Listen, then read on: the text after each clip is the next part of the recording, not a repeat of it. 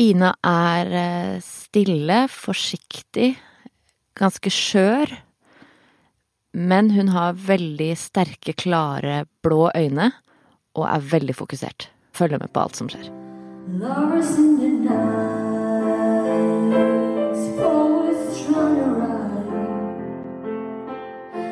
Så hadde jeg en veldig god periode første halvåret i 2020. Da jeg er som du har hørt nå, veldig glad i å synge. Og jeg hadde møtt noen eh, musikere som jeg fikk lov å samarbeide litt med. Og jeg fikk liksom kjent litt på det å, å leve litt som Ina, og ikke bare som pasient. da. Og jeg kosa meg veldig, og eh, jeg følte jeg liksom var kjempeheldig som fikk lov å gjøre det jeg elsker å gjøre. Og stå på scenen og, og være med på friske aktiviteter, liksom. Med friske mennesker som ikke jobber med meg. Ina har ikke vært så mye frisk. Hun har slitt med psykiske problemer lenge. Men på en boinstitusjon så trodde hun at hun var trygg. Helt til den dobbelt så gamle nattevakta tok kontakt på Messenger. Nå er han dømt for å ha misbrukt stillinga si for å skaffe seg sex. Det jobber over 100 000 mennesker i helsevesenet som ikke har noen autorisasjon. Og hvis de gjør noe galt, så er det lite tilsynsmyndighetene kan gjøre med det. I dag er det torsdag 4. august. Jeg heter Anne Lindholm, og du hører på Forklart. Journalist i Aftenposten Anine Hallgren, du har møtt Ina. Eh, Hva er det Ina trenger? Ina trenger eh, trygghet. Hun har levd med alvorlig psykisk sykdom i veldig mange år. Hun har vært beboer på institusjon over flere perioder. Hun har eh, vært tvangsinnlagt flere ganger. Hun har hatt angst, depresjon og har behov for trygghet, særlig om natten. Eh, Det at det er noen her sammen med deg på natten, hva betyr det for deg? Det er bedre enn å vinne i Lotto. Og det er ganske Jeg syns det sier mye da, når jeg er såpass ung. Fordi alle på min alder, eller ikke alle, men mange har jo lyst til å eh, leve et helt vanlig liv, og det vil jo jeg også. Men hvis du spør en frisk 27-åring om hva de ønsker seg i livet, så regner jeg ikke med at de sier nattevakt. For meg så har det redda livet mitt, egentlig. Den betyr alt for meg at kroppen min kan slappe av. Fordi jeg klarer ikke å roe meg ned før noen sitter ved siden av meg og sier at eh, nå skal jeg være her hele natta. Liksom. Da begynner jeg å kjenne på kroppen min at nå er jeg trøtt. liksom. Jeg har ikke vært trøtt på to år. Jeg har vært sliten, men jeg har ikke skjønt at jeg er trøtt. Eh, Så det er veldig deilig å bare føle seg trygg igjen, på en måte.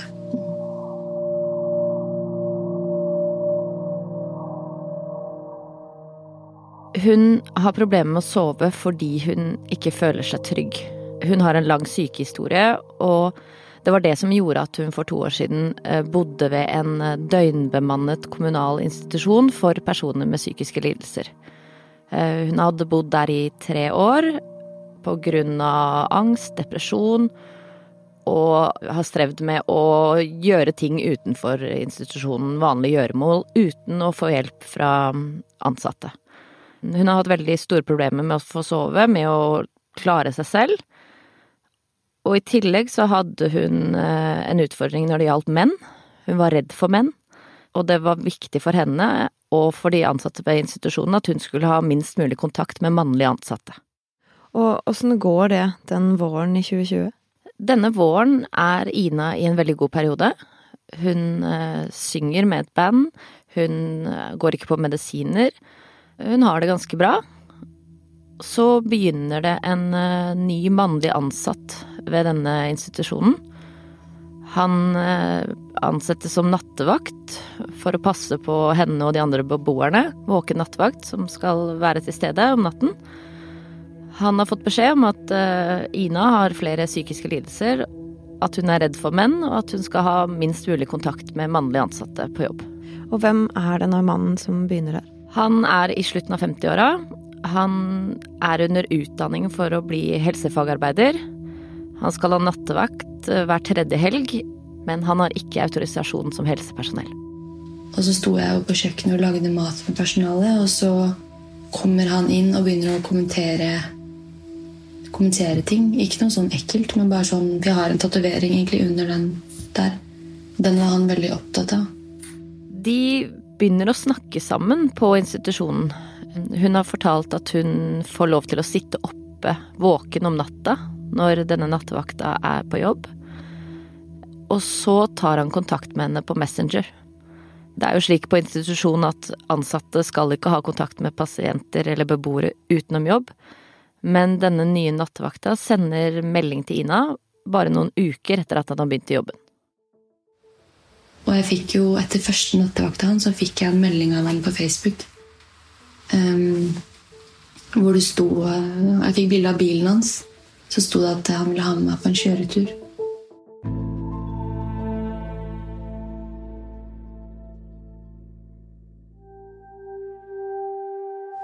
Og etter hvert så, så stolte jeg på han. Jeg tenkte at han var eh, en kul ansatt som eh, som brukte hodet sitt og ikke bare fulgte reglene. på en måte.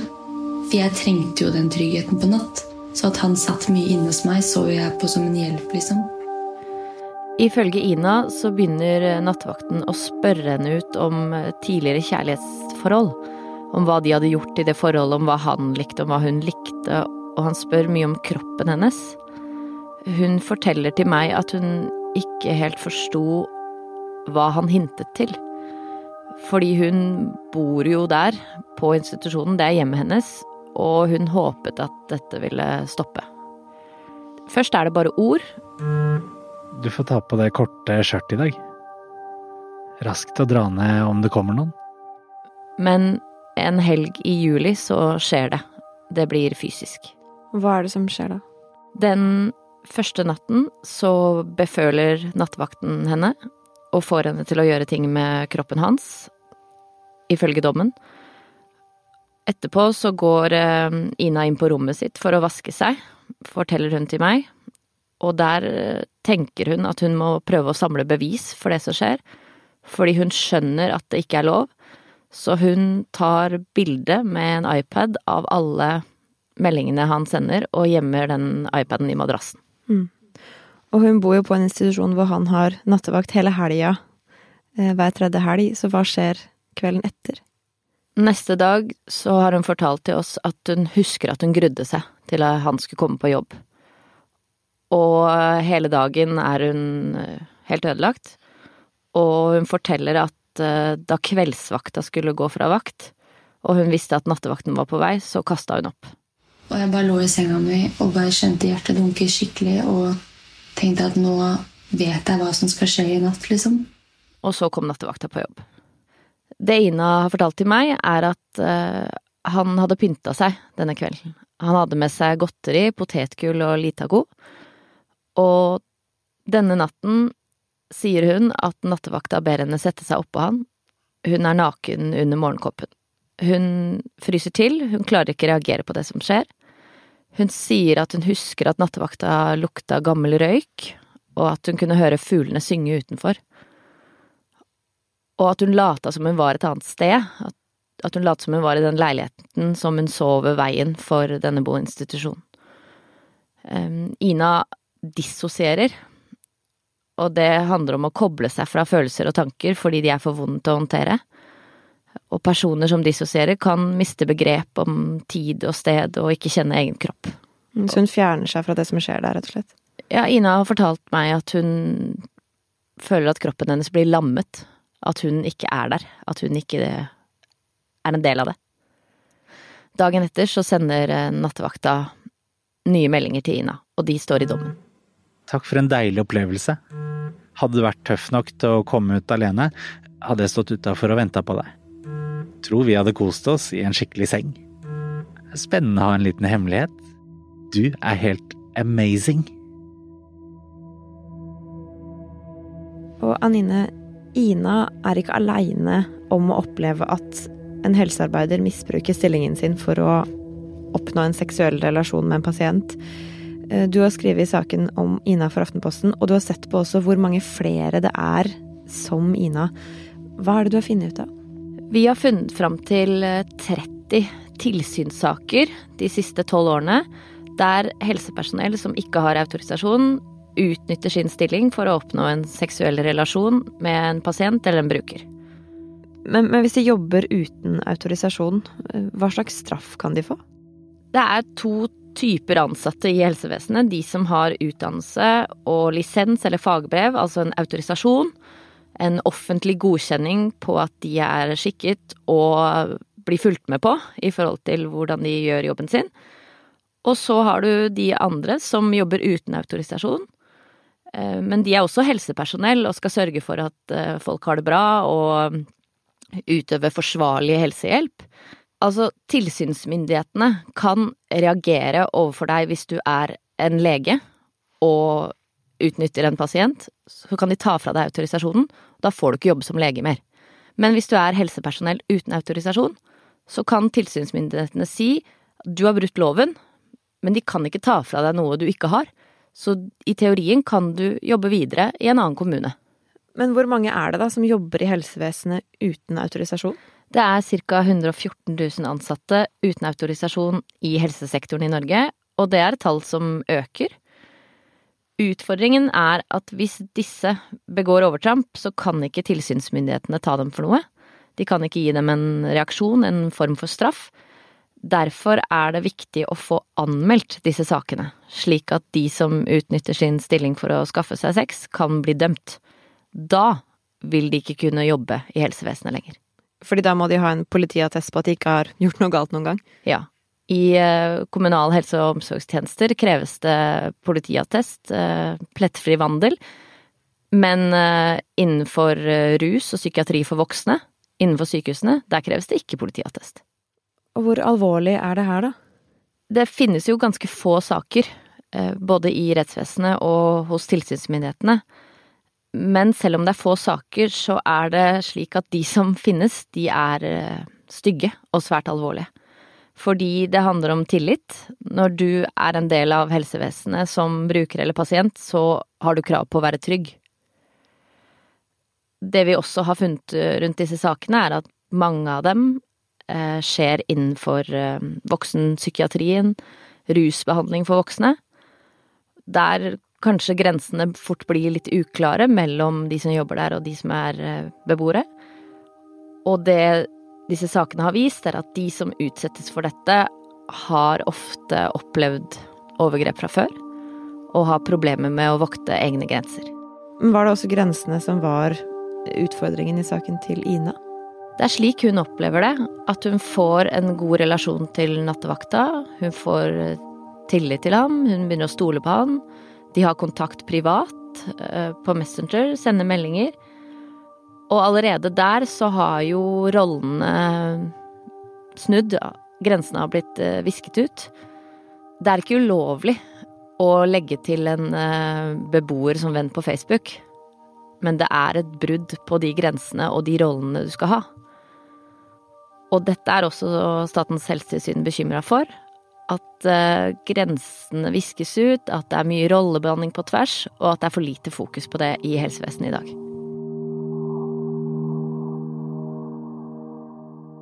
Og hvordan endte saken til Ina, da? To uker etter at det skjedde, den helga i juli, så betrodde hun seg til en annen ansatt på den institusjonen. Og de sa fra. De ga nattevakten sparken med umiddelbar virkning. De anmeldte saken.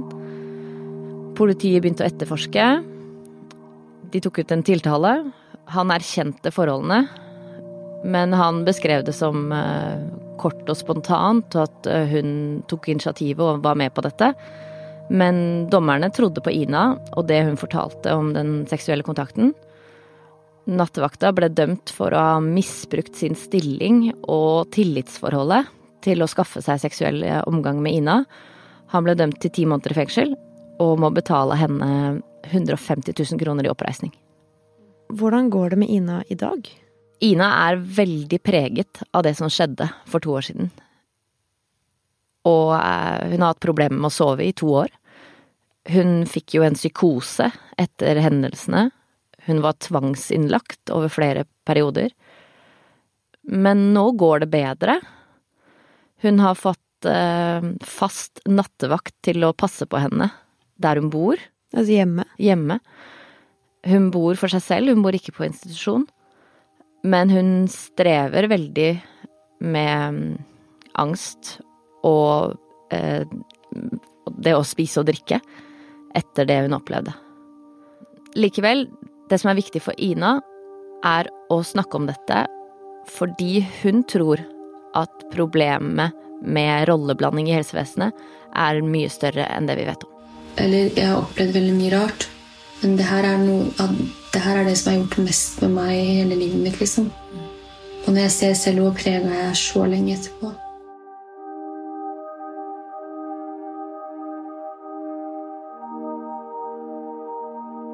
Nattevakta ville ikke være med i sakene som Anine Hallgren har skrevet i Aftenposten. Det bekrefta han gjennom advokaten som forsvarte han rettssaken. Han har ikke svart på spørsmålet om han vil legge til noe i denne episoden. Ifølge dommen så erkjente nattevakta at han utnytta stillinga si og situasjonen Ina var i, til å skaffe seg samleie. Kommunalsjefen i kommunen der nattevakta jobba, har sagt til Aftenposten at saken ble behandla som en alvorlig personalsak, og at mannen ikke har vært ansatt der etter sommeren 2020. Kommunen sa at de fulgte rutiner med å hente inn referanser og politiattest av de ansatte. De omtaler det her som en kjedelig sak de helst skulle ha vært foruten. Kommunen kontakta nabokommunen der mannen også jobba, og saken ble meldt til fylkeslegen. Kommunen har ikke villet kommentere noe mer til denne episoden her.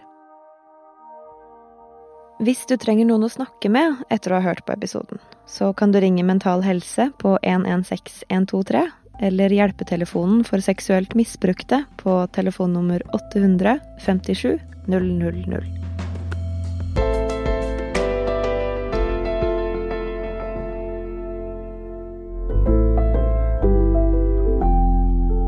Det er produsent Fride Nesten Onsdag og jeg, Anne Lindholm, som har laget episoden. Peter Daatland har lest inn meldingene fra nattevakta. Lyden du hørte ellers, var Anine sine opptak med Ina, og det var lyd fra en video som Ina sjøl har lagt ut på YouTube. Resten av Forklart er Synne Søhol, Marit Eriksdatter Gjelland, David Vekoni, Jenny Førland, Anders Weberg og Caroline Fossland.